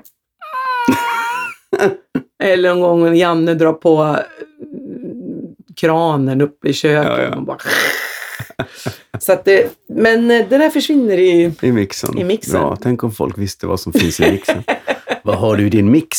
Det är ju fan en podd själv. Ja, Man får sololyssna på... Sololyssna tagningar. det visst. plingar i mobiler. och... Du gör jinglar också. Jag tycker man hör din röst ibland när någon sån här tv svischar förbi. Mm. Gjort en del. Och radiojinglar. Alltså Ja. Jag gör ju just nu aktuellt så är ju Mix Megapol är jag som sjunger. Är det du? Hur låter Det är jag. Ja, men alla de här. Alltså vi gjorde, jag var nere två dagar i Holland och sjöng Mix Megapol-jinglar. Mix Megapol, jag kommer inte... det är massa olika. Och då är det också så här, äh, den bästa blandningen. Jag kommer inte ihåg allt vi sjöng. Utan då finns det massa olika paket Ja. sådär, som man ska göra. Och då stod jag, och anledningen till att det spelades in i Holland, det är att det finns, em, utanför Amsterdam så är det ett ställe, eh, det heter Pu- Pure Jingles. De gör radiojinglar för hela Europa. Mhm. Så att då tar de dit mig då som svensk i det här fallet och så jobbar jag ihop med tre em, holländska sångare. Så att jag är förlaga. Den bästa mixen eller vad det Ja. nu ska vara för någonting. Eh, och sen får de lära sig svenskan. Äh, Mm, och så dubbar de på. det låter med- fruktansvärt omständigt. Ja, men de har det konceptet liksom. Men- jag har ifrågasatt också, vi ska inte vara fler från Sverige då?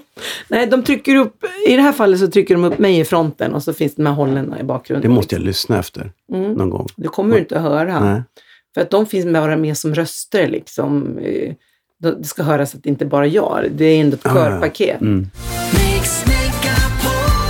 Perfekta mixen.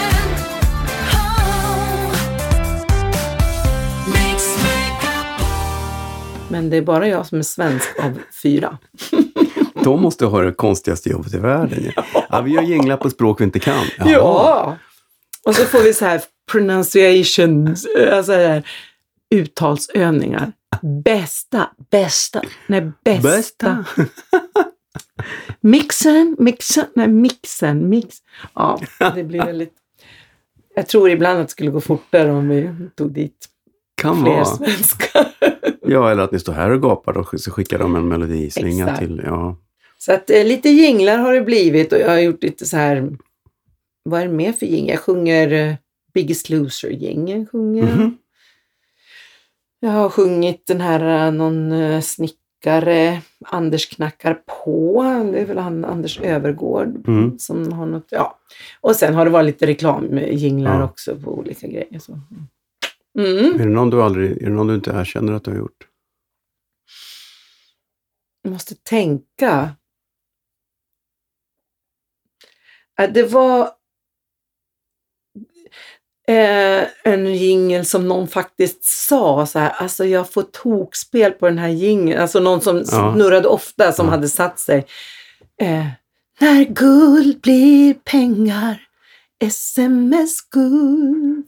Då var det att jag mörkade. Det var då mörkade jag. Nej, det är inte var- jag. Det där låter som... eh, Det är några år sedan. Det var någon som hade fått den på hjärnan och inte blev av med det. Det var en jävla jingel. Förlåt. ja, men du gjorde i alla fall inte den här Det finns stunder i livet. Du vet, den. Vänta, var det det McDonalds eller? Mm. Ja. Nej, nej, jag har inte gjort Nej. någon med McDonalds. För den har jag anklagat Dea för att ha gjort och hon har sagt att det är inte jag. Mhm. För den var, den var, man blev tokig på den. jag förstår. Ja, mm. Mm. Nej, den är så, för det finns något eh, i den som är liksom... Nej, Det, det där är ju det där är ju farligt. Jag såg en eh, svensk artisttjej, jag ska inte nämna några namn, hon skrev på, på Facebook så här, vem fan är det som sjunger den här eh, gingen till ett barnprogram? Och tror jag att hon skrev. Det Mm. var något ehm, jag blir tokig eller något sånt där. Det, ja, det låter... Och så, då kunde jag inte låta bli. Jag bara, hade det varit jag så hade jag blivit jävligt ledsen här. Mm. Liksom. Jo, men det är klart. Så att, och sen tog hon bort den kommentaren. Det är, Mm.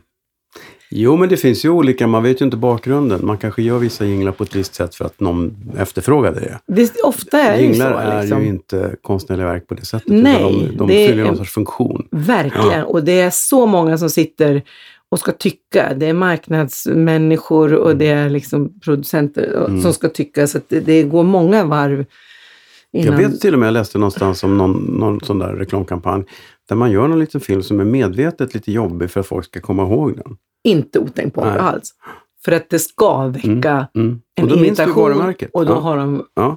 lyckats. Liksom. Ja. Vad tackar du nej till då? Ja. det var dit det skulle komma. Det är faktiskt inte så mycket jag tackar Nej. till.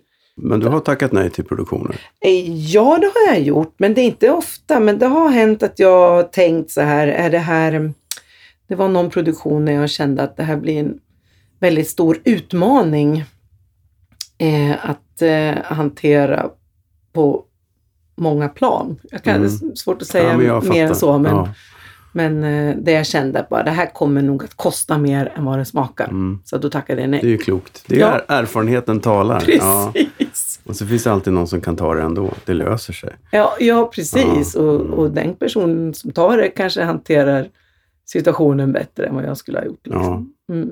Jag tycker det är roligt att göra massa olika saker. Jag, liksom allt från att sjunga på bröllop till eh, du föreläser ju också. föreläser på musikskolor för studenter Ja. eller jag kan ge- gästdirigera körer eller komma som gästsolist på olika... Ja, som Du är sagt. öppen för förslag. Ja, Kontakta på Britta. precis. Det lät som en... eh, ett, Ja, men det är kul. Ja, men det kanske är någon som vill eh, köpa föreställningen med dig och Kerstin eller köpa en föreläsning till exempel. Mm. Eller, något. eller köpa en kick-off med eh, skörslaget tema. Hur gör man då? då? Ja, men alltså jag är ju inte så svår att hitta. Jag har en hemsida faktiskt. Mm. Som jag gjorde eh, för att, ja, den är, jag är inte aktiv på den. Jag har den mest statisk. Så här, Det det är som ett visitkort på nätet. Lite så Ja. ja. och där finns mina kontaktuppgifter också. Bra. Vad heter det? Vad är för adress till den då? Det är brittabergstrom.se hör du här. Bra. Toppen. Gå inte till brittbergström.se Nej. för då, det är inte samma styrka där ni, riktigt. En, en äldre dam som gärna sjunger gamla slagers. Ja. Det, nu ska jag inte dissa henne. Ja, Jag tycker är hon är sig jag asbra. också. Jag Ja. är en äldre dam. Nå, men Passerat 50. hon var faktiskt med i Mellon samma år du föddes. Så att eh, hon är 1968 alltså. fri hos dig. 69 var hon med i L som i Älskar dig. Eh, fri hos dig fick en poäng. L som i älskar dig fick noll poäng. Oj! Ja. Sen Men, gav, eh, gav hon inte mer chanser. Hon kanske inte fick Ja, fler men hon har gjort chanser. mycket. Om man googlar henne så har hon faktiskt spelat in en hel del. Så hon var rätt aktiv. Det gick inte så bra i Mellon, men eh, det var inte alls så viktigt då tror jag. Nej. Men eh, hon har gjort en del och jag tyckte den där franska covern hon gjorde, den håller fortfarande. Den var ju med i Pripps-reklamen förresten. Blå, blå. Ja, precis. Jag hoppas hon fick betalt. Det borde det. hon ha fått. Ja. Något, något Mm. borde ha fått. Shoutout har till Britt. Bergström. Fick Ja. du betalt? Hon är ju en trogen Då lyssnare har av vi något mer gemensamt, Britt och jag, för jag har också gjort Pripps-reklam. Äh? jo. Det var ju... Här går nu allt och jag minns det saknar. Dagar jag levt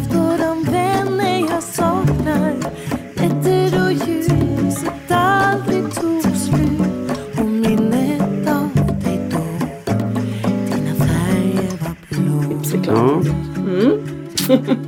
det, fick du betalt i öl? Eh, nej, det Nej. fick jag faktiskt inte. Jag fick jävligt bra betalt Jävligt bra betalt. Det ska man ha. Jävligt bra betalt. Men du, när du har fått så här jävligt bra betalt och, och, och så, vad gör du när du inte jobbar? Vad är, vad är det som gäller då? När du inte sjunger jinglar eller är med i Mellon eller gör körslag? Eller? Mm. Jag, ehm, det beror på om jag är i Stockholm eller om jag är i Luleå. Är jag i Luleå, då är hos Janne då är vi ute mycket i naturen. Mm. Vi gillar att vara ute i naturen. Där finns det hund också. Eh, lilla Alfons som jag älskar så mycket. Eh, Känd jag har ju-. Precis, bland annat. Jag har ju inga egna barn. Janne har en son som har blivit som en bonusson för mig. Jag har många andra barn i min omgivning, syskonbarn och gudbarn och sådär. Men som min eh, hund Alfons, han är mitt barn nu, kan man säga. Men, eh, men eh, så vi är ute mycket. Mm. Eh, det är mycket det är skidåkning och det är skoteråkning på vintrarna och det är mycket promenader i skogen på övriga delar av året. Du är en naturmupp. Ja, vi Typ, gillar att vara ute mycket. Och sen är jag i Stockholm, då är det mycket häng med vänner. Då är det lite annat liv liksom. Då är det söder och det är goda restauranger. Jag gillar att vara ute i Stockholm här också på fina ställen.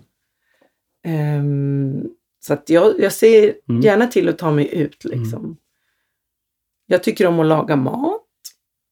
Jag, ehm, ja men det är mycket häng med vänner Mm. faktiskt. Men det känns Eh, som att du har fått förstår ihop en bra kombination att du, med lite Stockholm och lite Luleå. Ja, det tycker jag också. Det, Det, blir ju bara det, är bara det, det är mycket resor. Men ja, som jag säger, det, sen jag började som reseledare i 20-årsåldern, det känns som att mitt liv har varit en enda, det är en enda resa. ja, Så att jag, många tycker liksom, hur fan orkar du?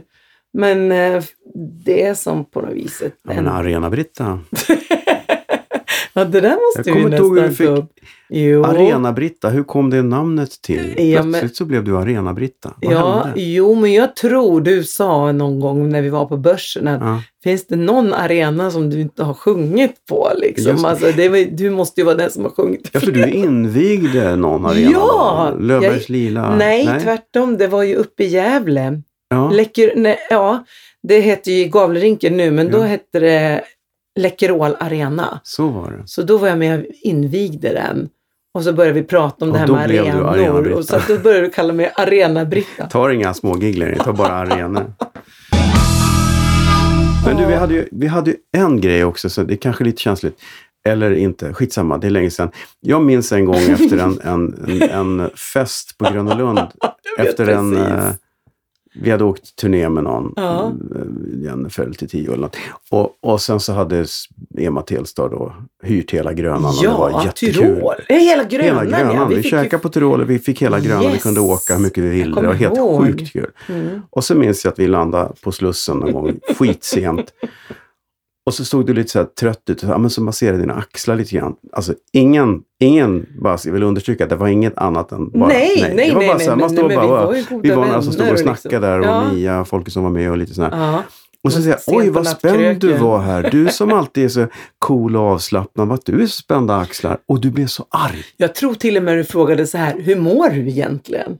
Jag Ja. tror det var den. Det kan ha varit. Och då, där reagerade jag bara, vad fan, ska du liksom börja ifrågasätta mitt mående av hur jag huruvida jag är spänd eller inte mina axlar. Vi var inte helt nyktra kan jag Nej, men det, det, det, det sprack Men jag- illusionen av den här ständigt avslappnade sköna Britta var så här, men shit, vad är det? Ja, Det var nog ett... Eh, jag reagerade nog så starkt. Jag vet, jag, jag, på vägen hit och tänkte jag undrar om den där incidenten med, med nacken kommer dyka upp. Jag tror det blev, jag blev så här integritetskränkt tror jag. Bara, Ja, Hur mår så- du egentligen? ja, jag bara, men! Du vet. Ja. jag blev jättechockad. För det var också så här, jag hade sett dig arg förut. Och jag vet att det blev sådana ringar på vattnet. Det var någon som ringde mig dagen efter. Va? Så var, eh, ja, Robban Ivansson ringde mig och sa att men du, har du och Britta bråkat? Jag bara, va? Vad är det som händer? Det var liksom en stor grej. Och sen minns jag att vi sågs på en fest hemma hos någon två dagar senare. Och då Jag blev allt bra igen. Det Nej, var allt bra. Ja. Nej, precis. Nej, men det jag minns var att det någon- var... Jag kan inte riktigt förklara den reaktionen heller. Nej, Men, eh, chocken. Jag är stel. Alltså jag känner, jag känner nu, Ja. David, att jag skulle behöva en massage. Hur För, mår du ja, egentligen? precis. Nej, men jag mår bra. Alltså, jag måste säga att jag, jag mår bra. Mm. Eh, jag har en liten... det, det som kan sätta sig, det kan faktiskt sätta sig i ryggen. Just nu har det gjort det. Jag har Mm. någon eh, grej i ryggen.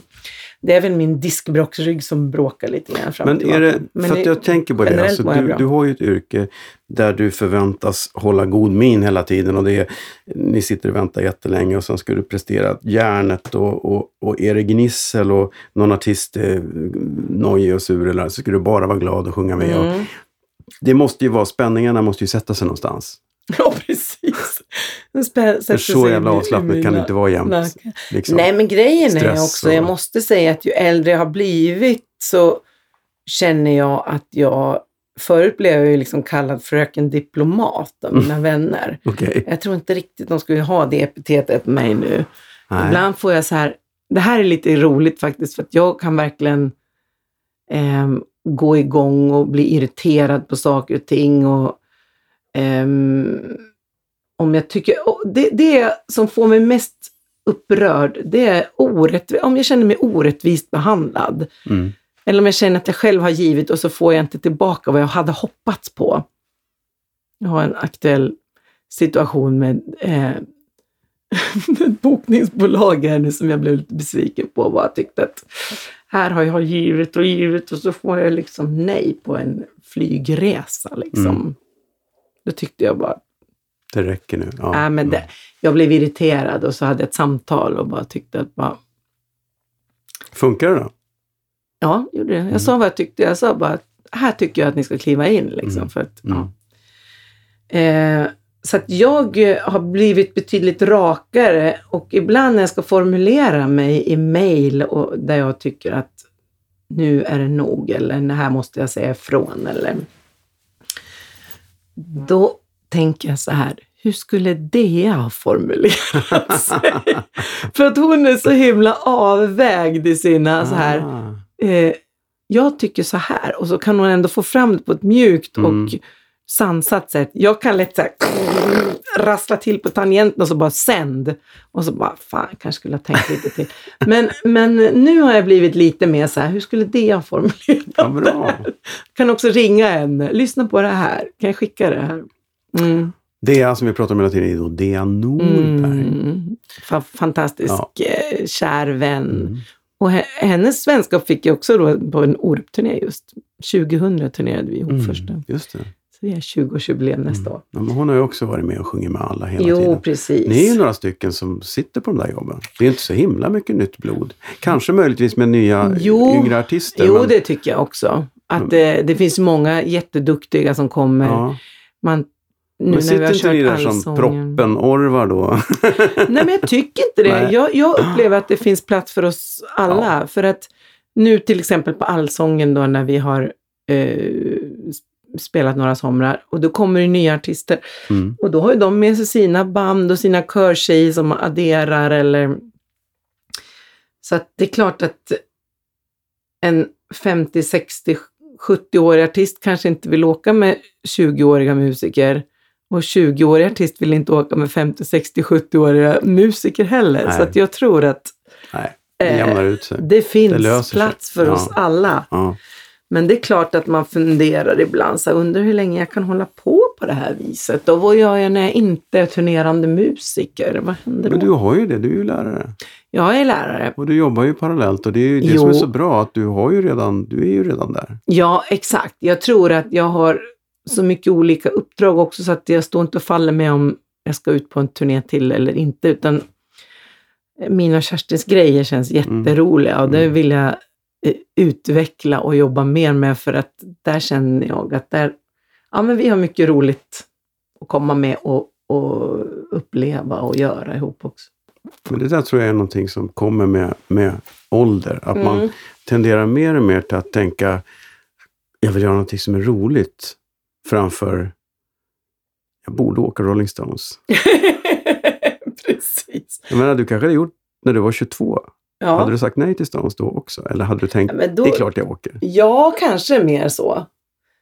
Eh, man var ju också lite... För det är ett bra gig som kan leda till andra gig. Jo, exakt. Sen så måste jag säga att min situation... Fast jag har ingen önskan att åka Nej. ute i världen, förstår du? Nej, jag menar mer att när man inte liksom riktigt har fäst i branschen, innan man är etablerad, Ja. så, så hugger man ju på allt. Jo, dels det. Men sen måste jag säga också att eh, när jag levde singel, då var jag iväg på allting. Mm. Nu när jag och Janne ska pussla med våra liv och resor fram och tillbaka och jobb och, och så då, nu prioriterar jag på ett annat sätt för att jag känner att jag vill ha in privatlivet på ett helt annat sätt än förut kanske. Det, det är av vikt Mm. att eh, inte alltid välja bort min partner till förmån för jobb. Mm. Så sent som i morse så tackade jag nej. Jag fick en inbjudan att komma till Vasa i Finland. Mm. Sitta med i en, någon form av branschpanel för eh, musikstuderande. Och de skulle önska någon workshop tillsammans med mig. Och då tittade datumet. Det var okej, det var min första lediga helg på sex helger. Och jag var, ville jättegärna göra det för det lät Mm. så kul. Mm. Men då skrev jag faktiskt nej Mm. tack. Det var duktigt. jag Det var duktigt. måste få vara hemma då. Ja, Liksom. det är duktigt. Men idag ska du jobba. Idag ska jag jobba, Mm. ja. Vi repeterade med Lisa Nilsson igår. Vi ska spela på Mosebacke Kul. ikväll. Och det har du då gjort för en eller två veckor sedan när vi hör det här. Men eh, det Ja, gick säkert. precis. Vad- Gick det bra? Ja, det gick jättebra. Jag kan säga, vi repade igår och vi har ju gjort det. Vi turnerade med den här Ja. eh, konserten, nästan 40 spelningar förra Ja. hösten. Så att eh, det var bara att damma av det lite grann, men allt satt. Mm. Lisa är ju en favoritartist att jobba med och Klippa. så att det blir, kommer bli en väldigt trevlig konsert. Ja, så jag kan ju då säga att ni missade något jättebra. För att Mm. jag kan ju idé säga att gå dit ikväll, för det har ju redan hänt. Men du, eh, du spelar man, eh, så här, man jobbar och hoppar in i studion och sjunger på den och den och den. Är det någon gång som du har gjort något sånt där jobb som du bara, ja, så var ett jobb till med, i mängden och sen plötsligt så är det en jättegrej utan att du fattade det när du stod där? Hmm, vad skulle det kunna vara? Eh, eh, ja, Så mycket bättre kan jag säga var ju en sån grej. Jag hade Mm. ingen aning var det skulle landa. Men jag kommer ihåg en gång jag gick in i studion och sjöng på en Agnes-platta. Eh, och det var också så här, ja, men vi matar på körer. Man reflekterade inte alltid så jättemycket på låten, men det var Release Me och den blev ju en riktig hit för henne och den spreds ju runt om i världen. Så Mm. det, det var roligt faktiskt. Och eh, den, Men det var också en sån där, du bara föste på körer. Vad kan vi göra? Vad kan vi ja, göra? mat, mata på körpaket. Eh, hon hade nog lagt lite grann så dubbade jag på och Mm. eh, ja, det blev ett fett körpaket. Jag minns att jag tyckte det var, det, är roligt. Anders Hansson var det som proddade det. Mm. Och då får man lägga mycket körer. det är roligt. Så att, ja, jag har faktiskt det solad. Jag har fått det solopaket. Ja, men då får du ge det till mig så lägger jag in Ja, det kan- ja, så lägger precis. jag in Det kan det typ här. bjuda Ja, här. här kommer ett smakprov. Release me, release my body. I know it's wrong, so why do I keep coming back?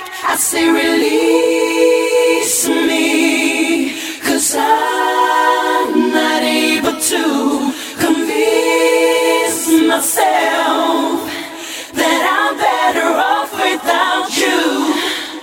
Ja, det var ju helt fantastiskt. det hör man ju att det är en världshit. Redan på körerna hör man ju det. Det är oftast där det händer. Ja, precis. De snackar mycket om refränger och sånt där, men det är ju kören som är... Ja.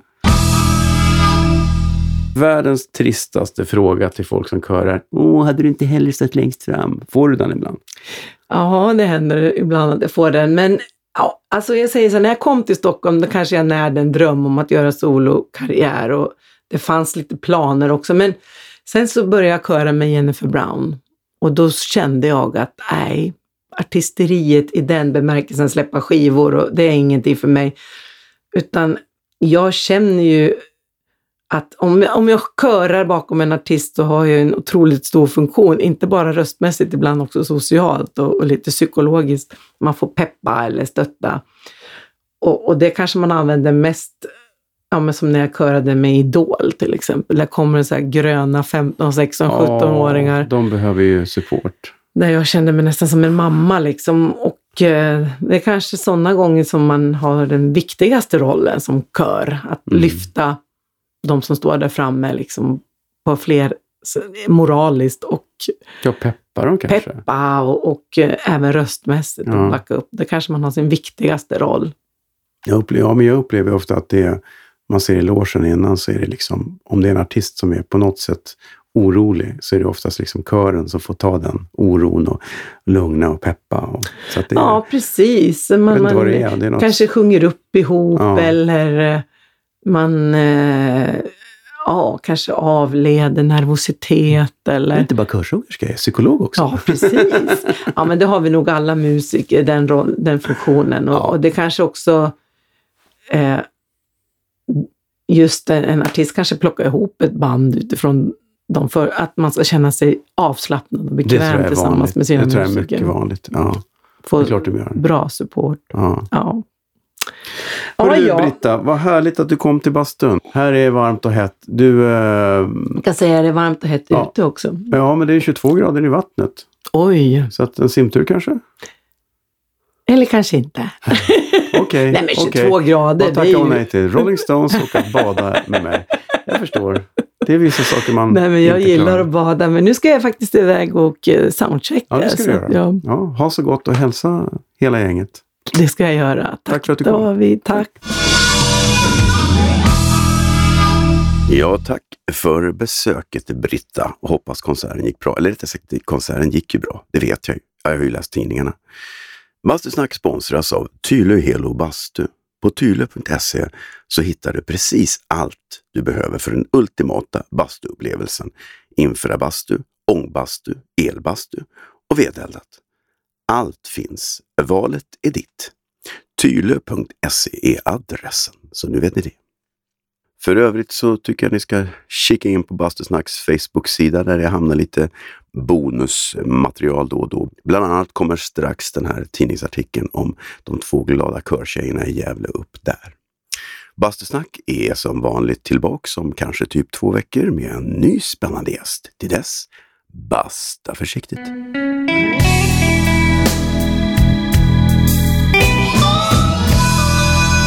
Bastusnack.